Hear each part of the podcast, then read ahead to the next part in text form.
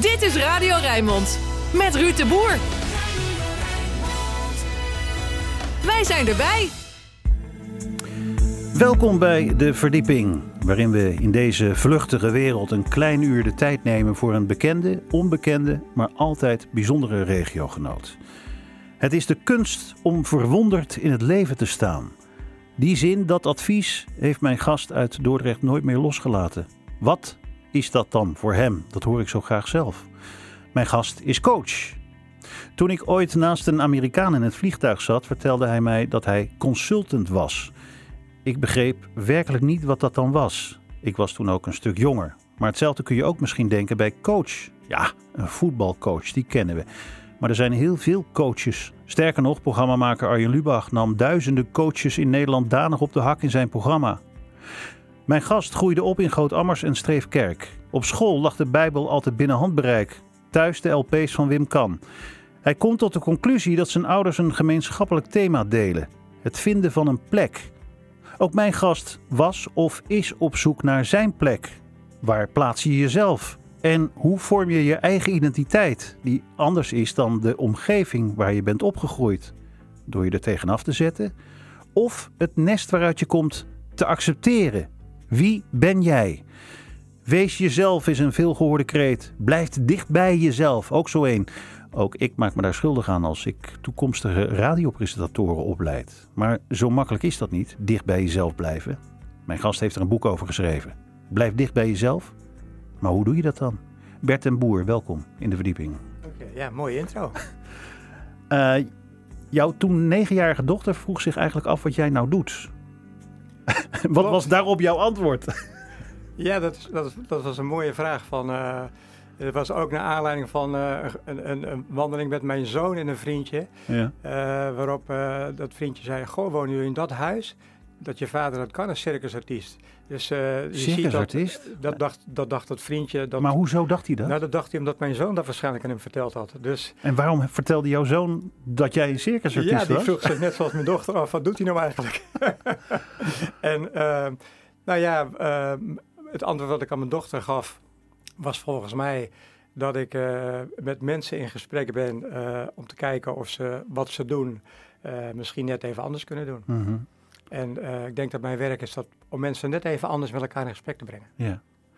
We gaan het, ik ga het ontdekken. Want ik uh, eigenlijk, uh, nou ja, lig ik bij jou op de sofa? Nee, toch? Zo gaat het toch niet nee, bij jou? Zeker niet. Zeker niet. Psychoanalyse is niet wat ik nee, nee, nee. in praktijk um, Bert, wie komen er bij jou op consult eigenlijk? Dat zijn eigenlijk mensen die vooral vanuit organisaties komen en vragen hebben over dingen die zich op hun werk afspelen. En dat kan zijn dat ze vinden dat ze niet goed tot hun recht komen. Het kan zijn dat ze twijfelen of ze nou wel uh, op de goede plek zitten. -hmm. Het kan zijn dat ze vinden dat ze niet goed communiceren. Dus het, de, de vragen van de mensen zijn leidend eigenlijk, ja. altijd. Ja. altijd. Maar ze hebben jou weten te vinden, dus uh, ze zijn in ieder geval ontwaakt. Nou, ze Kijk, het werkt altijd zo. Ik ben al sinds 2000 ZZP'er. Mm -hmm. Het werkt natuurlijk altijd zo dat je via via mensen binnenkrijgt. Die hebben van iemand anders gehoord. Misschien moet je eens met die jongen gaan praten. Ja. Uh, zo, zo, werkt het. Dus zo, zo vinden mensen mij. Ja. ja. Nee, maar goed, dan nogmaals, dan moet je, want sommigen die hebben misschien niet door wat er knaagt, maar die nemen ook geen stappen. Ja, dus mensen die, dat, uh, die bij mij komen, mm -hmm. uh, willen wel over zichzelf nadenken. Ja. En zijn bereid om uh, te denken van nou, als ik naar mezelf kijk, wat wil ik vasthouden en wat wil ik ontwikkelen? Ja. Om me beter te kunnen manifesteren. Ja. Dus het zijn eigenlijk werkgerelateerde vragen altijd. En een enkele keer, ik heb ook een opleiding gedaan op het gebied van relatiecoaching. Een enkele keer heb ik ook iemand die nou vragen heeft over zijn relatie. Ja. Wat, wat zijn de meest gestelde vragen eigenlijk?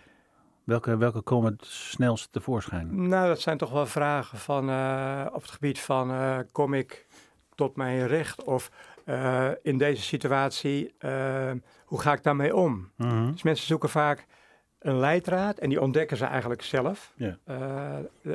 als je in gesprek bent, om in situatie, situaties die ze lastig vinden, voor zichzelf te doen wat bij hun past. Ja. Omdat je nooit een algemeen uh, uh, eh, advies kunt geven. En als coach ben je ook niet bezig met het adviseren, maar vooral aan het kijken van wat past nou bij Ja, wie jij bent en wat jij zou kunnen doen. En zie je jezelf dat ook gaan doen. ja. maar even een vreselijk, vreselijk woord te gebruiken, maatwerk. Ja, gebruik het vreselijke woord maar. maar. Afstemmen op degene eh, eh, met wie je aan het werk bent. Ja, ja. Dat is eigenlijk wat je doet. Ja. Ehm, in jouw laatste boek staat de tekst You are what you listen to. Eh, jij hebt ons eh, muziektitels doorgegeven. Daar, daar zit Van Morrison bij. Zullen we eerst luisteren en dan daar eh, eens daar eens even lekker over gaan Van doorbomen. de man. Van the Man.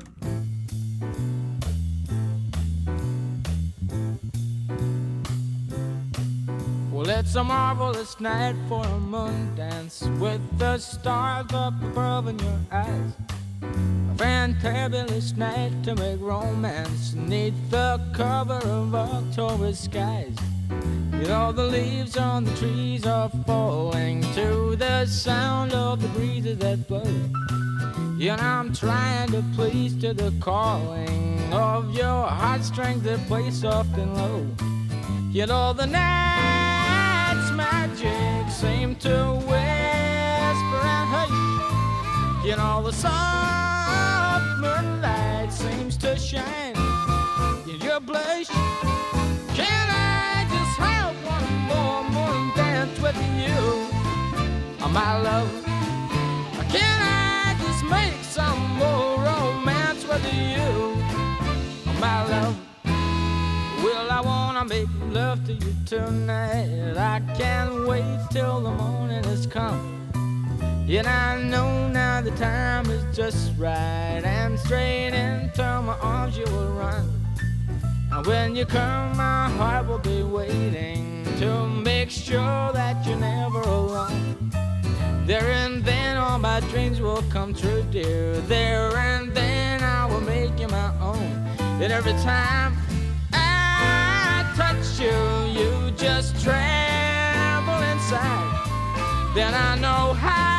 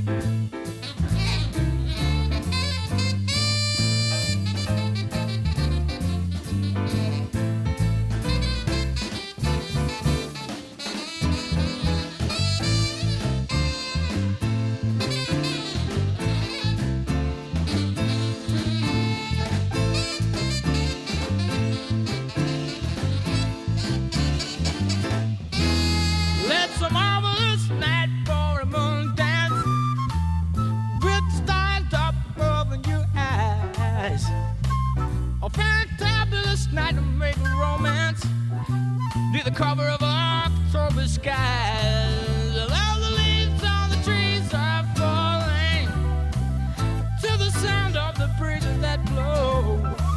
And I'm trying to please to the calling of your heartstrings that play soft and low. In all the night's magic seems to whisper and hush.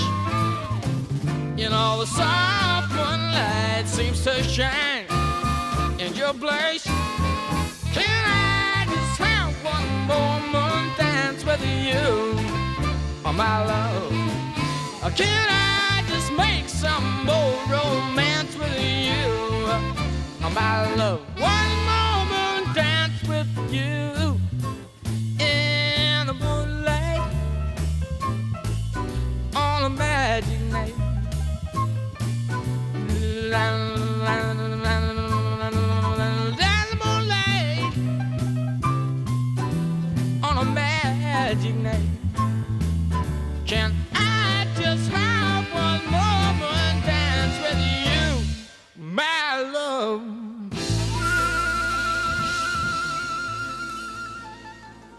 Van Morrison, of eh, zoals mijn gast hem noemt, Van de Man. En heel veel mensen noemen Van Morrison zo. Bert den Boer is bij mij te gast. Eh, coach en acteur van het auteur van het boek Blijf dichtbij. Ik zeg, ik zeg acteur, maar dat ben je ook, hè?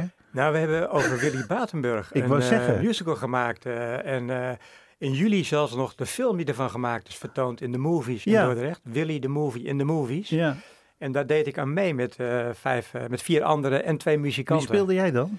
Eh, nou, we hadden een talkshow gemaakt. Ja. Eh, en eh, ik was een, een talkshow host. Ja. Die eigenlijk ook maar zijn dingetje deed. En toevallig in Dordrecht beland was. Ja. En het ging over Willy Batenburg. en ik had gasten aan tafel als Petertje, de voorzitter van de fanclub. Ja. De bedrijfsleider van de sociale werkvoorziening. De heer Kruithof. En ik had, Peter, en ik had de buurvrouw Corrie had ik. En die sprak met een Dords dialect. En we hadden een cameraman die bleek zijn manager uiteindelijk te zijn.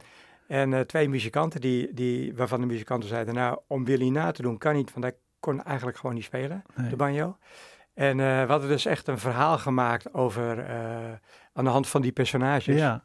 Ja. over Willy Batenburg, Ja, die want hier want Willy- groot gemaakt is. Ik wou zeggen, Willy Batenburg, ja, die, die, die, die werd heel vaak op Radio Rijnmond gedraaid. Ik denk dat de vaste luisteraar van Radio Rijnmond het, het wel herkent. Ik laat even een klein stukje horen, Bert, met jou welnemen. Una mana matstiro, una mana matstiro, un mit sai mit speila mi, una mana matstiro, una mana matstiro, una mana matstiro, un mit sai mit speila mi, una mana matstiro.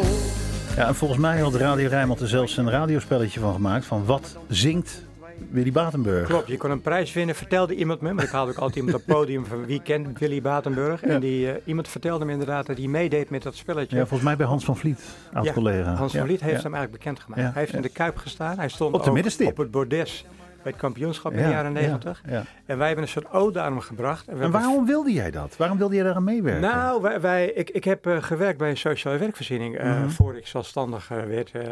En ik heb hem een keer daar ook zien eten Ja, in zijn Tiroler pak. ja. En er zijn wat mensen die, die zeiden, we zouden over hem een keer een stuk moeten maken. En dat is zo langzaam ontstaan. Mhm. En we hebben een regisseur erbij gehaald eh, om er een soort mini-musical van te maken. En eh, ja, dat was echt wel geslaagd hoor. We hebben Ja. het vier keer gespeeld. En Ja. die film hadden we een volle zaal in de movies. eh, ja.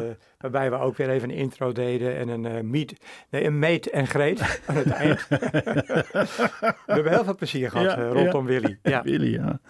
Nee, ik, ik, ik kwam hierop omdat ik per ongeluk zei acteur in plaats van auteur. Je bent auteur van het boek Blijf dicht bij jezelf. En hoe doe je dat doen? Ik wil nog even over eh, jouw muziekkeuze van eh, Van de Man, Van Morrison. Waarom deze? Nou, ik heb eh, heel veel muziek in huis van Van Morrison. Ik heb hem een paar keer gezien ook tijdens concerten. Ik vind een intrigerende man. En ik, ik hou erg van muzikanten die eigen stijl hebben. en ik ben misschien wel een beetje in zijn loopbaan meegegaan met zijn muziek. En Maar leg dat eens uit. nou, eh Moondance is een van zijn oudere nummers. Mhm. Maar ik heb hem bijvoorbeeld bij North Sea Jazz gezien met een jazzband. Ja. Dus hij heeft wel eh, eh, verschillende stijlen in zich. Ja. En ik hou ook als iemand saxofoon kan spelen. Vind ik zo geweldig. Ja. Kan die ook heel goed. Ja. Dus het- is gewoon een muzikant naar mijn hart. ja. Nee, ik, ik, zit, ik, ik pak even je boek erbij. Je hebt het nu over levensfase, hè? dat je een beetje bent meegegroeid. Even kijken hoor. Eh, mag ik een paar voorbeelden uit jouw coachingspraktijk eh, citeren? Zeker. Eh, De 22-jarige die zegt: Ik weet niet zo goed wat ik wil. En volgens mij heb ik een HBO-opleiding gevolgd waar ik niet zoveel aan heb. Enigszins onthand zit hij tegenover me. Geen idee welke richting in te slaan. En mij het gevoel geven dat zijn leven in, een, in de knop gebroken is en eigenlijk al mislukt is. Dat, dat is dan de 22-jarige. Dan hebben we een generatie later, de 35-jarige. Mijn relatie is net op de klippen gelopen. Enerzijds een opluchting. Ik had het de laatste tijd niet echt meer naar mijn zin. Aan de andere kant zet het me aan het bedenken over mezelf. Wat is mijn aandeel? Kom ik in de volgende relatie niet in precies dezelfde situatie terecht? Wat? Want ik neem mezelf mee. Wat maakt me eigenlijk de moeite waard? En dan de 54-jarige, daar voel ik me alweer wat meer eh, bij eh, verwant. In onze organisatie is het 5 voor 12. We hebben een plan van aanpak nodig waar ieder zijn schouders onder zet. Anders kunnen we een stekker eruit trekken. Als het niet lukt, waar ik niet aan wil denken, zie ik beren voor mezelf op de weg op de arbeidsmarkt. Is het inderdaad zo dat, eh, dat ja, ja, natuurlijk, een mens groeit en in, op, op, op die route komt hij zichzelf steeds vaker tegen? Ja, ik, ik denk dat je nooit uitgeleerd bent, sowieso. En Nee. dat je in de verschillende fases die je hebt, andere vragen hebt. Dus de Ja. dertigers bijvoorbeeld zijn bezig met eh, relatie, wonen, werk. Ja. Dat is ook de, de ambitiefase. Hè? En ik denk, eh, daarvoor zit je in de fase van ontvangen. En eh, als je de zelfverwerkelijkingsfase gehad hebt van die dertigers, dan kun je zeggen dat eh, je in de fase komt als je wat ouder wordt, misschien wel van geven. Ja. Zoals jij zegt, ik werk met eh, programmamakers aan de, bij de start van een loopbaan. Dan ben je eigenlijk een soort mentor, Ja. coach. Ehm, en eh, dus als je ouder wordt, zou als het mooi is dat de fase van wijsheid kunnen zijn. Ja. Ik zeg als het mooi is, als het lukt. Omdat je dan een rugzak hebt met levenservaring. En ehm, ik, ik heb echt het idee dat je, nou net zoals in een relatie, heb je ook verschillende fases. Mhm. Met z'n tweeën in het begin, verliefdheid. Op een gegeven moment, als je kinderen krijgt, dat is toch weer een heel andere fase. Ja. En als ze de deur uit zijn, zoals ik in mijn geval, dan, dan maak je weer eh, een, een nieuwe fase in je relatie. Dus, Ja. En ik geloof dat je in elke fase wel andere vragen hebt. Ja. Ik, ik geloof niet dat dat ophoudt. Nee. nee Zoals ook in je werk, eh, iedereen die je spreekt over werk, heeft op dat moment wel iets wat hem bezighoudt. Mhm. Ja, ik, ik, ik, ik, ik, roep, ik, ik roep wel eens tegen iemand van, volgens mij heb je alle wijsheid in pacht, pacht als je, de, als je je laatste adem uitblaast. Dus ik verstond het begin niet, sorry. Volgens mij heb je pas alle wijsheid in pacht als je je laatste adem uitblaast. Ja, misschien wel. Kijk, ik, ik, eh, ik heb iemand een keer geïnterviewd, eh, Harry Starre was dat van de Baak toen, eh, opleidingscentrum. En die zei, vertelde over zijn vader. En die zei van, als je je verlangen hebt eh, eh, geleefd, dat wat je belangrijk vond in je leven, pas dan kun je eigenlijk goed sterven. Mhm. Vond ik wel een mooie uitspraak. Ja, Want ik, ik heb ook wel iets met dat thema verlangen. ja dat, daar, daar heb je het uitgebreid over Ja. in, in, in je boek. Want wat is verlangen? Wat is voor jou de definitie van verlangen dan? Voor mij is verlangen een soort eh, leidraad van eh, wat belangrijk voor je is. Ja. En eh, misschien een simpel voorbeeld. Er zijn mensen die zeggen, nou mijn verlangen is de marathon lopen. Nee, dat is een doel. Je verlangen kan zijn je gezond voelen. Ja. Dus ik heb het idee dat als je je verlangen te pakken hebt en van daaruit doelen stelt, Ja. dat je veel meer kans hebt die doelen te bereiken. Maar Voor- je hebt het ook over doelen in jouw boek. En eh, jij, jij zegt, of tenminste, dat heb, als ik het niet goed heb gelezen, dan moet je het vooral eh, verbeteren. Doelen zijn dromen met een deadline. Ja. Ver- Verlangen is een soort, eh dat kan iets heel groot zijn, hè? een soort berg die je voor je ziet. En als je die nou stap voor stap bewandelt, dan eh, gaat dat lukken. Maar als je die denkt van, nou, dat verlangen ga ik nooit bereiken, dan, eh, eh, moet je er niet aan beginnen. hè. Eh, en vanuit verlangen kun je dus doelen stellen. Dus Ja. ik, verlangen, sommigen noemen het passie, sommigen noemen het drijfveer. Dat vind ik een vreselijk woord. Ja, dat drijf, wat zijn gejaagzinnig, Ja. gedreven worden. Ja. Terwijl eh, ik vind verlangen zo'n mooi woord. Eh, en als je het over verlangen hebt. Ik heb twee boeken gemaakt met Wim Huizer. Dat is de biograaf van Kees Budding. Mhm. Duitse schrijver, essayist. En wij dachten misschien zijn we na een paar gesprekken klaar met dat thema. Ja. Maar dat is niet zo. Als je het over verlangen hebt, dan ga je een soort meteen de diepte in. Ja. Omdat het dan ergens over gaat, over wat raakt. Eh, dus, dus jij doet niet voor niks wat je doet. Er zal een verlangen zijn in wat je uiteindelijk bent gaan doen. Mhm. Ik weet voor mezelf dat eh, ik wou disjockey worden toen ik 15 was. Ja. Radio Veronica was mijn, eh, Mhm. mijn jeugd. en later dacht ik, toen ik iets ouder ben, wat zat er nou in dat disjockey worden? Muziek. Muziek is sfeer. En ik ben eigenlijk in mijn werk dingen gaan doen die te maken hebben met sfeer maken. Sfeertje Bert? Ja, sfeertje. Ja, Sfeer, ja dat is Sfeertje Bert, ja, dat is toch ooit tegen, ja, jou gezond? Ja, klopt. Dus, Ja. dus dan kan ik zeggen, vanuit dat verlangen, ik ben geen disjockey geworden, maar ben ik iets gaan doen wat daarmee te Nou maken ja, heeft. je hebt een programma gehad bij RTV heb Dordrecht. dus- ik heb dus- ook een, dus- eh, en- en je draait plaatjes, zei je net even tussen neus en lippen door. Ja, dus, met, eh, met, met, een, met een aantal vrienden hebben we een eh, LP-café in een Dordtse waar zit hij in. Dordrecht? Waar zit hij in Dordrecht? Korte Kalkhaven. ja. En eh match. En eh, elke zaterdagmiddag vinyl. Mhm. En eh zijn met z'n vieren. Eh, pas geleden nog, was mooi weer daar. En Mhm. een van ons heeft een Land Rover. me- En daar kun je bovenop staan met een, ja, geweldig, lichtjes. Als het moet een rookkanon. En dan draaien we om de beurten. Ja. Marcel doet dat. Ja, dat is echt een... eh is heel leuk. En die, en, die, en die muziekstijlen van iedereen verschillen heel erg. Ja. Ook leuk. Ehm, wat, wat, wat, wat is jouw verlangen? Want jij zegt net inderdaad tegen mij van het verlangen eh, dat is dat ik hier zit. Dat, dat, nou ja, dat kan ik beamen, want ik, het, het, cliché klopt. Eh, Ik bedoel, er zijn foto's van mij eh, als, als peuter met, met singeltjes in mijn hand. En op mijn elfde knutselde ik een, afstandsbediening voor een, een speelgoedautootje om tot een FM-zendertje die tot aan de buren kwam. En, en, hè, dus, dus, dus op die manier. Dus dat klopt dan wel. Ehm, maar ik kan me voorstellen dat het niet bij iedereen zo is. Nee, het is ook leuk om het over te hebben. Ja. Eh, in dat boek zitten oefeningen. En een van die oefeningen deed ik pas ook weer met een groepje mensen. Mhm. Dan stel ik ze twintig vragen. En er komt als het ware eh, een gedicht uit waarin Ja. kernwoorden zitten die iets zeggen over wat voor jou van, van belang is. Ja. En het kan ook heel simpel zijn dat, iemand, dat eruit komt voor iemand te rust. Ik heb echt rust nodig, want ik ben met veel te veel Ja. dingen bezig, veel te veel ballen in de lucht. En voor iemand anders kan het juist zijn, ik moet wat actie gaan ondernemen, want ik ben passief aan het worden en ik, eh, ik doe niks meer en er moet wat gebeuren. Mhm. Dus, eh, dus, dus ik, in het boek dacht ik van, ik moet ook een soort mijmermomenten en oefeningen meegeven die, die je kan doen alleen, maar je kan het ook doen met iemand die je beter wil leren kennen. Of iemand die je al goed kent en nog beter wil leren kennen. En eh, een vriend van mij die, die mee heeft gelezen, heeft ze allemaal gedaan, al Mhm. die oefeningen. Het was ook wel leuk dat hij zei, eh, toen hij het boek gelezen had, van nou, ik, ik herken er veel in. En eh, als het dan gaat over dicht bij mezelf blijven, ik herken er heel veel in. En ik heb een paar dingen van mezelf geleerd die ik nog niet wist. Dat vind ik dan heel mooi om te horen. Ja, ja. Ja. Maar goed, dat is gek hè? Want ik bedoel, je bent jezelf. Je wordt wakker met jezelf, je gaat slapen met jezelf. Ja. Dus hoe kan het dan eigenlijk dat je jezelf niet kent? Nou, ik denk Of dat je sommige dingen van jezelf niet kent? Ja, nou ja, je hebt blinde vlekken die je, die je nooit zult weten van jezelf. Maar ik denk dat als je eh, ehm, met anderen in gesprek kun je ook heel veel dingen leren over jezelf. Mhm. Want als anderen tegen jou zeggen, Ruud, mag ik jou een top geven, maar mag ik ook een tip geven? Mhm. Dan hoor je dingen terug waarvan je zegt, hé, hey, dat is interessant, dat herken ik. Of dat is nieuw voor mij. Ja. En als meerdere mensen dat zeggen, is het interessant om te kijken van, wil ik daar wat mee of niet? Ja, Eben, jij zegt top een tip. Ehm, ja, ik zit nu toch een klein beetje bij jouw consult, eh, Bert, met jouw welnemen. Maar eh, ik vind, het, straks komt er weer een reflectiegesprek aan. Hè? Ik bedoel, of, vroeger heette dat functioneringsgesprek. Mm. Eh, nou ja, mijn baas zou mee kunnen luisteren. Maar ik vind het altijd ongelooflijk moeilijk om dat gesprek in te gaan. Want er gaan dingen gezegd worden van Ruud, dit zou je moeten verbeteren of dit zou je anders kunnen doen. Daar heb ik het altijd verschrikkelijk moeilijk mee.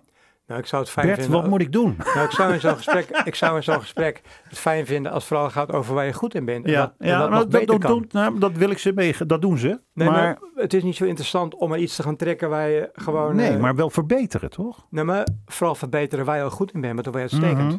Ja, dus, dus die gesprekken waarin het gaat over dingen... Als ze met mij gaan praten over mijn ICT-vaardigheden, daar heb ik helemaal geen interesse in. Dat wil ik me helemaal niet... Daar moet ik gewoon mee kunnen werken. nee, oké, maar dat doen ze ook niet. Want ze zeggen dan, nou ja, even heel narcistisch, ik ben goed. Eh, maar het, dat zou je misschien nog beter kunnen. Zelfs daar word ik dan al heel erg onzeker van. Want wat maak je dan onzeker, zou mijn vraag Nou zijn. ja, dat weet ik dus niet zo goed. Het is een onheimisch gevoel van, eh, ja, maar ik doe toch al mijn best. Dus waarom zou dit dan nog beter moeten of ja, zo? nou, ik Of- zou... of- de- de- kijk, het zou interessant zijn om eens door te vragen van wat bedoel je dan precies? Ja, ja. En weer wat voorbeelden ja. waarin ik dat toe kan passen om het scherper te krijgen. mhm. Dat, hè, dus, Ja, Maar ik pellen. ben heel erg voor, Pellen. ja, ik ben heel erg voor, eh, voor doorvragen eh, en ook uh, dat ik eerder zei, dat vind ik heel belangrijk dat soort gesprekken, doorgaan op waar je er goed in bent. Mhm. Dramatische gesprekken zijn dat je allemaal dingen Nee. Bespreekt waar je toch al geen zin in hebt. Je, Jij hebt een hekel aan eh, het fenomeen eh, lekker uit je comfortzone. Hè? Nou, ik, heb, ik, ik, ik, ik vind het soms te makkelijk. Ik, ik vind eh, een beetje een hype ook van. terwijl ik denk, als je sommige dingen heel goed doet, blijf dat, en dat is je comfortzone, blijf dat Mhm. doen. Maar als je iets nodig hebt om beter te worden, wat dan iets vraagt van je wat je nog niet hebt gedaan, ga dat dan vooral doen. Ja. En dat heet dan uit je comfortzone. Ja, maar ja. ik vind te makkelijk van, we moeten uit onze comfortzone. Eh, terug naar dat, eh, dat fenomeen. Eh, blijf dicht bij jezelf. Ja, wat is dat dan eigenlijk? Nou Ja, ik, ik ga je boek niet bespreken, Nee, want dan nee, de nee. mensen moeten het boek zelf lekker ja, lezen. Tuurlijk, tuurlijk. Maar wat het is, je, kan, je kan een paar handvatten kiezen om erachter te komen. Ik vind bijvoorbeeld waardegebonden leven vind ik een mooi uitgangspunt. Maar, Mhm.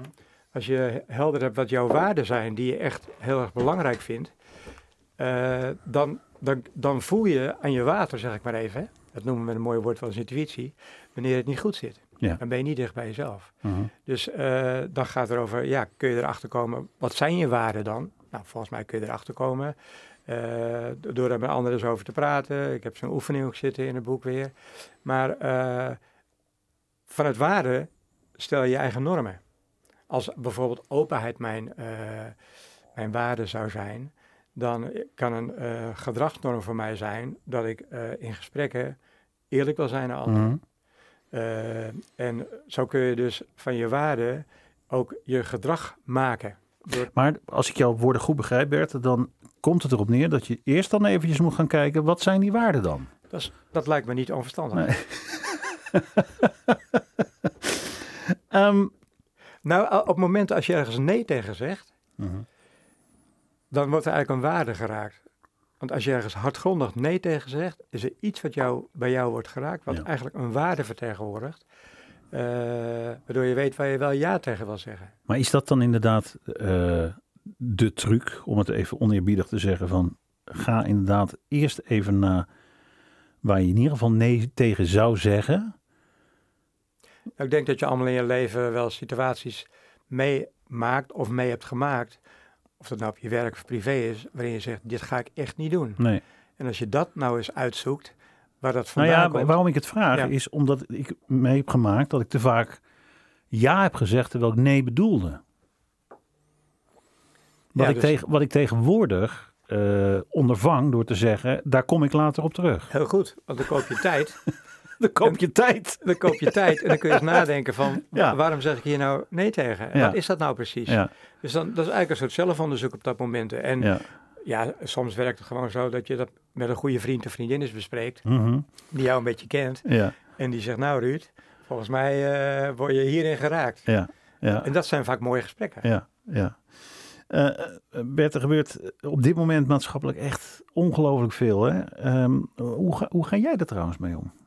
Nou, ik vind het best een, lastige, want eh, ik heb ooit sociologie gedaan. Ja, Sociologen eh, eh, ja, die, die bekijken dan hoe mensen de problemen van het samenleven oplossen. mhm, En ik, ik, ik ben in mijn werk dan vooral met teams bezig, hoe die beter kunnen samenwerken. Maar als ik kijk naar al die crisissen die je op kunt noemen, er is wel wat aan de hand en er is wel iets gebeurd. Hè? Ik denk dat heel veel mensen toch iets te maken hebben met onzekerheid Ja. op allerlei vlakken. Ja. En dat is al langer aan de hand. Dat, dat, dat onzekerheid roept eh, allerlei vragen op en eh, ja, dat uit zich op allerlei manieren. Ook in onvrede natuurlijk, Mhm. eh, op elk vlak. Ja. Dus, dus de, de, individualisering die we met z'n allen hebben ingezet. Jij bent verantwoordelijk voor je eigen succes, mhm. maar ook verantwoordelijk als het niet zo goed met je gaat. Voor je eigen verlies. Dat, Ja. dat maakt dat je op jezelf bent teruggeworpen. En dat is wel confronterend. Denk je dat er een kentering komt in die individualisering nu iedereen gebukt gaat onder eh, nou ja, Ja. de crisis? Ik, ik denk dat wat, wat ook wel, wat je af en toe zo hoort, een menselijke maat, Mhm, dat dat een hele belangrijke is. Dat je, dat je bij de overheid iemand kunt spreken in plaats Ja. van dat je eh, via antwoordapparaten of wat voor loketten dan ook. Dat, menselijke maat is echt nodig. Ja. Je wil allemaal gezien worden. Ja. Eh, in, in een boek staat een mooie uitspraak van eh, iemand uit, volgens mij uit de 16e of 17e eeuw, die zei van zi- eh, zijn is waargenomen worden. Je wil gewoon als individu gezien worden. Ja. En als het anoniem wordt, eh, en daar is iets mee gebeurd in, in onze samenleving, eh, of het nou Groningen is of toeslagenaffaire, noem ze allemaal maar op. Als het anoniem wordt, dan wordt het lastig. mhm. Je wil gewoon gehoord worden.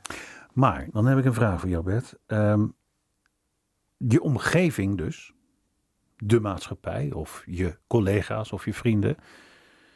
Hè, je, je geeft aan, je wil gezien worden. Eh, dat is toch een vorm van erkenning. Zoeken buiten jezelf.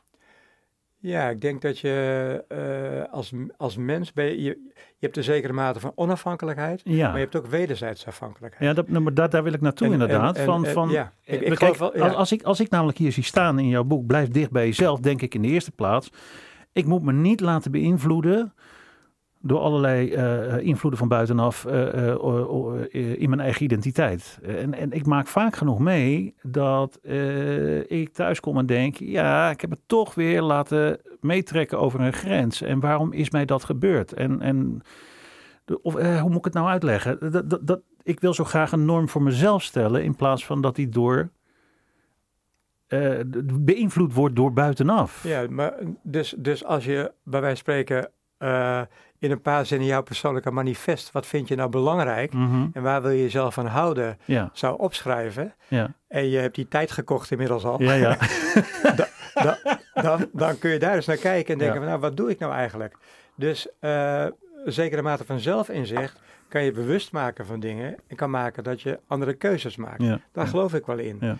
En eh, je ontkomt er natuurlijk niet aan dat je door anderen beïnvloed wordt. Eh, en ik geloof En wat je zegt ook, je hebt Ja. die anderen ook Je nodig. hebt die anderen nodig. Je, ik, ik geloof in een soort dynamische balans altijd tussen, in dit geval, onafhankelijkheid Mhm. en wederzijdse afhankelijkheid. En Ja. de situatie bepaalt wat nodig is. Ja. Soms zeg je, ja natuurlijk moeten wij samenwerken. En soms zeg je, volgens mij ben jij daar goed in Mhm. en ik goed, hier goed in. Moet jij dat doen, doe ik dit. Is de heilige graal dan inderdaad een onderscheid weten te maken Ja. tussen die twee? Ja, professionals zijn vaak, hebben verschillende deskundigheid. Mhm. Nou, die pluriformiteit is fantastisch. Als ze te veel alleen doen, gaan ze op een eiland zitten. Dus waar moeten ze over afstemmen en wat moeten ze vooral zelf doen? Dus wanneer afstemmen, wanneer zelf? Dat is ook weer zo'n dynamische balans. Dus daar geloof ik altijd wel in. We gaan eh, muziek draaien die je hebt meegene- eh, meegenomen. Nou, Van Morrison, dat was al niet de minste, maar eh, Lou Reed, nou, dat misstaat ook niet.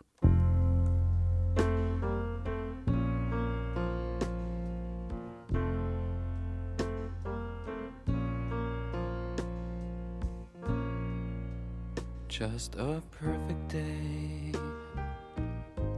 Drink sangria in the park. And then later, when it gets dark, we go home.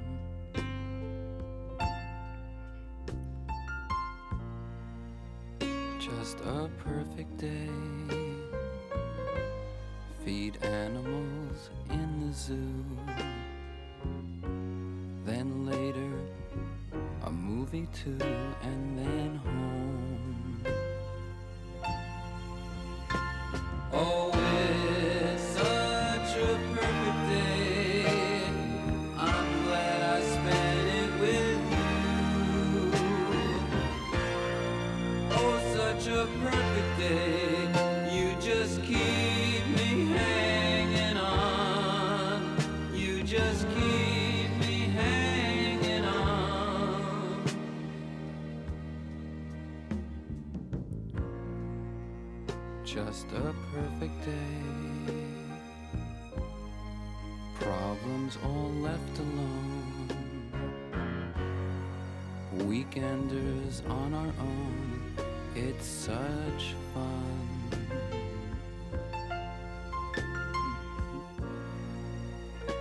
Just a perfect day. You made me forget myself. I thought I was someone else, someone good.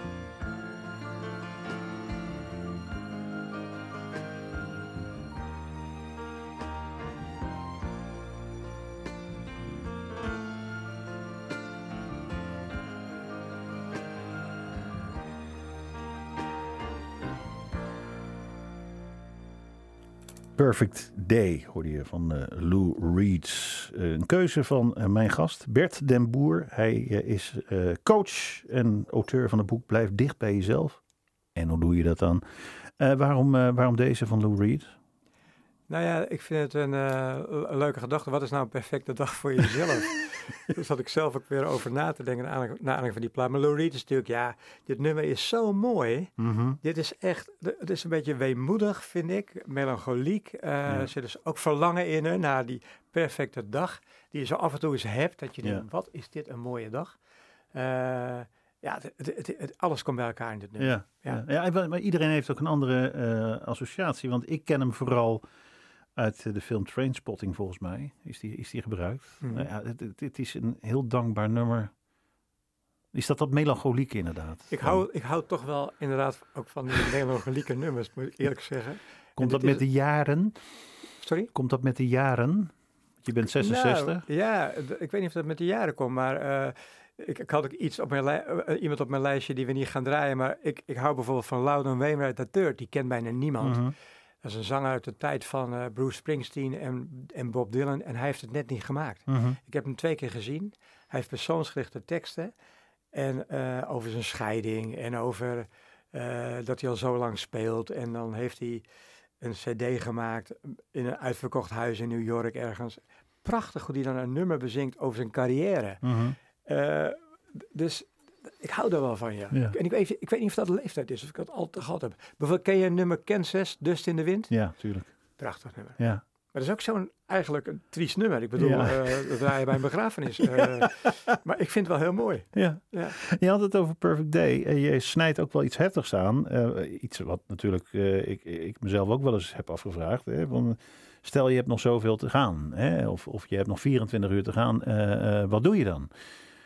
Dat is natuurlijk eh, een vraag die mensen het liefst niet vaak stellen. Maar het kan geen kwaad om dat een keer te Ja. doen. Mag ik het aan je vragen? Als je nou, nog 24 je- uur te gaan hebt, Bert? Ik, ik las het in een boek van je komt bij een begrafenis en je kijkt in de kist en dan lig je zelf. Ja, Wat zou je willen dat anderen over je zeggen? ja.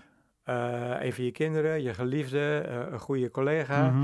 Eh, d- dan, dan zit je natuurlijk ook weer op wat echt belangrijk is voor je. Ja. En eh, ik denk dat ik dan wel kom op eh, dat eh, je er bent op het moment dat het echt nodig is. Eh, ik vind bijvoorbeeld, ik heb drie kinderen. Ik vind het heel fijn dat ik goed contact met ze heb. Ja. Dat is echt heel wezenlijk voor me. Eh, Weet je dochter inmiddels wat je doet? mijn, do- mijn dochter werkt als HR-beleidsadviseur Ja. bij de gemeente Rotterdam. Ja. En wij En, weten ze inmiddels en- wat, wat haar vader doet. En, wat voor werk haar vader eens wat zij doet, nee. Tegenwoordig. Nee, ik denk wel dat ze wat ik Ja, ja, want een van jouw zoons wilde journalist worden, geloof ik. Hè? Ja, en het grappige was dat hij later, ze heeft hij één jaar eh, opleiding voor gedaan. Toen zei Mhm. hij later, volgens mij heb ik dat gedaan omdat jij dat wilde. Ja, ja. Ooit wel eens dacht dat je dat leuk zou vinden. Dus dat was een leuk gesprek daarover. Maar eh, eh, eh, ja, ik, ik, ik, ik las eh, onlangs een boek van Martin Bril, zegt dat je nog wat? Mhm, zeker, ja. Ik heb een oude Volvo en in, in die oude Volvo ligt een boek, Zweedse Liefdes. ja. waarin hij schrijft over, was een boek in opdracht van Volvo volgens mij, eh, over eh, columns met die naam erin. Ja. En vind ik zo'n geweldige schrijver ook. Ja. Ik weet eigenlijk niet hoe ik hier nou bij Nee, kom. weet ik ook niet. Ja, mijmeren, mijmeren. Mijmeren, We ja. zitten te mijmeren. Mijmeren, is een belangrijk onderdeel van jouw boek. Ja, zeker. zeker, zeker. En het ging over of ze weten wat ik doe. Ja. Eh, ik denk het wel, dat ze dat wel weten. Ja, zeker. Ja. Nee, want, want eh, je had het er net inderdaad over. Van mijn, mijn zoon die ging journalistiek eh, doen, waarschijnlijk omdat ik dat wilde. Daar, daar spreek je ook uitgebreid over. Hè? Van, de- de- je hebt het over nurture, nurture. Dus wat zijn nou de invloeden die je van huis meeneemt? En, en de invloeden die school op je hebben en de invloed die de maatschappij op, Ja. je, op je Ja, heeft. bij mijn opleiding destijds eh, aan de Erasmus hier eh, was het zo van eh 40% nature, 40% eh, eh, omgeving Ja. die je beïnvloedt en 20% die black box. Je gaat de school in, je komt Ja, eruit. Nou, ik deed wat nu niet meer bestaat, onderwijs, sociologie, dus 20% school. En schoollopen is natuurlijk ontzettend belangrijk ook voor je, want Mhm. Zou mooi zijn als je een docent, leraar tegenkomt die jou op het spoor zet Ja. van hé, hey, eh, dat ga ik doen, want die leraar die gelooft in mij en die Mhm. ziet in mij wat mijn kwaliteiten zijn. In, in hoeverre kan een opvoeding invloed hebben op de zoektocht naar jezelf? Zeker wel. Ik geloof heel erg dat eh, hoe je eerste jaren als kind zijn, hoe je wordt bejegend, hoe je wordt geknuffeld, vastgehouden, of je er mag zijn, of er aandacht voor je is, maakt heel erg uit voor hoe je in je leven op gaat stellen. Mhm. Mag je er zijn? Er zijn eh, voorbeelden van eh, mensen die zeggen, joh, ik was niet gewenst als Mhm. kind. Eh, mijn ouder zei, je bent een meisje, je kan een jongen willen hebben. Er zijn dramatische verhalen over. Wat doet dat met je zelfbeeld? Ja. Met je zelfvertrouwen?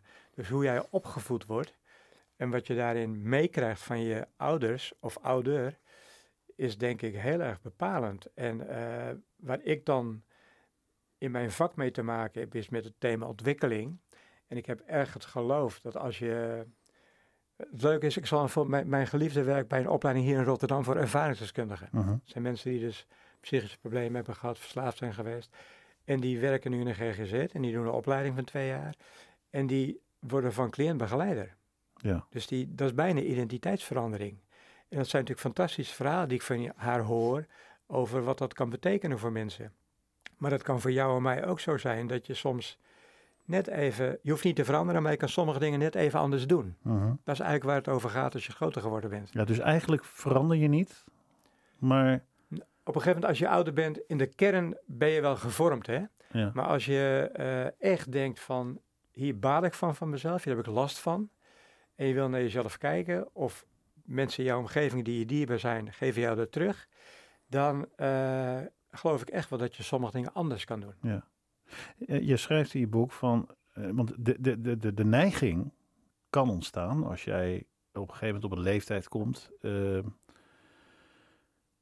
dat je anders wil zijn, of dat er in ieder geval je voelt iets knagen van, en, en dat je je gaat afzetten eh, tegen je, wat is het, je nurture? Nee, je, Ja, tegen je- eh, nou, eh, tegen eh, hoe je- tegen, tegen je opvoeding, tegen Ja. je gezin. Ja. En jij schrijft in je boek, nee, je moet het juist vastpakken. Ja, kijk, als je je afzetten en als afzetten het rebelse, als dat jouw houding wordt, jouw gedrag, dan ben je een soort tegenidentiteit aan het ontwikkelen. Dat is niet echt wie je wil zijn, want dan zet je je af. En als je, ik heb wel gemerkt dat als je, je hebt allemaal zo je struggles met je opvoeding.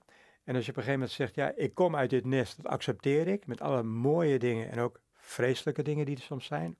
Die kunnen er zijn, hè? het hoeft niet zo dramatisch te zijn. Maar als je dat accepteert, pas dan kun je anders zijn. Ja. Want als je anders wil zijn om het anders zijn, ja, dan, dan ben je je alleen maar aan het afzetten. Ja. Tegen ja, wie dan ook. Maar je ziet dat heel veel gebeuren in deze maatschappij. Ja, je ziet, eh, maar het is ook, als je het over fases hebt, puberteit is natuurlijk een mooi voorbeeld. Hè? In de puberteit zie je pubers soms boos worden thuis. Dat is eigenlijk fantastisch. Dat is niet leuk, maar ze voelen zich veilig thuis om boos te zijn. Ja. En eh, dat is nodig voor een identiteitsontwikkeling. Mhm. En, eh, eh, dus, en die puber in onszelf hebben we allemaal. Af en toe denk je, sodemiet erop. Hè? Of zeg het anders nog even, wat oneerbiediger. Als je daarin blijft hangen, is dat de vraag of dat je nou verder helpt. Of Ja. dat je een prettiger mens maakt. Jij bent coach. Wie coacht jou? Nou ja, ik doe af en toe een opleiding. eh, en eh, ik heb ook een intervisiegroep. Dus een Ja, aantal collega's wat met wil wie dat we zeggen, een af en toe bij elkaar intervisiegroep? komen. betekent dat je dingen die je bezighouden met andere collega's deelt. Mhm. En dan word je eigenlijk door anderen gecoacht. Nee, ik, ik, ik zit ook te kijken van, zijn er ook binnen, zijn er ook buiten jouw vakgebied of bij jouw vakgenoten mensen die jou coachen? Nou, ik denk dat goede vrienden eh, Ja. Goede dingen tegen mij zeggen. Ja. Ja. En mijn kinderen zeker. Wat is, wat is eh, je voelt dat ik hem aan, aan het afronden ben, hè? Bestaat de levensles? Bestaat de levensles? Kan je iets meer Wat, is jouw levensles? Laat ik het dan anders zeggen. Nou, ik heb wel een soort motto. eh, het is goed als het net even anders gaat. Dus dat je, dat je, dat je, om je, dat je Dat blijft... is iets anders dan de comfortzone, hè? Dus uit je, bu- buiten je comfortzone. Ja, voor mij wel. Het, is dat je, dat je blijft kijken. Wat gebeurt hier nou? Wat, Ja. ge- wat gebeurt hier nou precies? En eh, wat betekent dat dan, wat hier gebeurt? En dat je niet op de automatische piloot gaat. Mhm. Eh, net zoals wij zitten in dit gesprek. Je hebt al heel veel gesprekken gevoerd. Maar elk gesprek is net even anders, omdat er iemand anders dat maakt mijn tegenover vak je zo zit. leuk. Ja, dus dat maakt je vak zo leuk. Ja, zeker. Maakt mijn vak ook leuk. Dat je samenwerking zegt. Ja, samenwerking weet je op een gegeven moment wel. Nee, het zijn andere mensen met wie je te maken Mhm. hebt. Dat maakt het boeiend. Dus, dus, dus eh, de- de levensles is open blijven staan voor anderen. Ja, want dat is het gevaar, hè? Dat je op een gegeven moment toch weer tenminste bij mij is dat dan zo, dat, dat ik mezelf erop betrap. Hé, hey, wacht eens even, ik ben weer in slaap gesukkeld. Ja, ja. Hoe blijf je dan wakker? Nou ja, Want je dus- zegt, ja, blijf kijken, maar dat is, Ja, dat- nou zelfs ja, dat is al een Als die opgave. antenne bij je uitgaat van wacht even, ik ben nu wel in slaap aan het dan gebeurt er al wat, denk ik. ja, ja. Dan ben je al bezig met, wacht even, oh, even scherper Ruud. Volgens mij is dit gesprek niet gebeurd, toch? Nee, nee, ik was erbij, toch? het boek heet eh, Blijf dicht bij jezelf. En hoe doe je dat dan? Eh, ook eigenlijk een, nou, een aanklacht vind ik een zwaar woord. Maar toch, met, een, met een kwinkslag maak je even korte metten met loze kreten als eh, hè, uit je comfortzone. En Na de kwinkslag. ja, met de, de kwinkslag inderdaad. Ja, ja. precies. Maar blijf kijken. Blijf kijken. Dat is het, hè? Ja. Het is grappig om mee af te sluiten in een radio-uitzending. Blijf kijken. Blijf kijken. Bert en Boer, dankjewel voor je komst. Jij bedankt.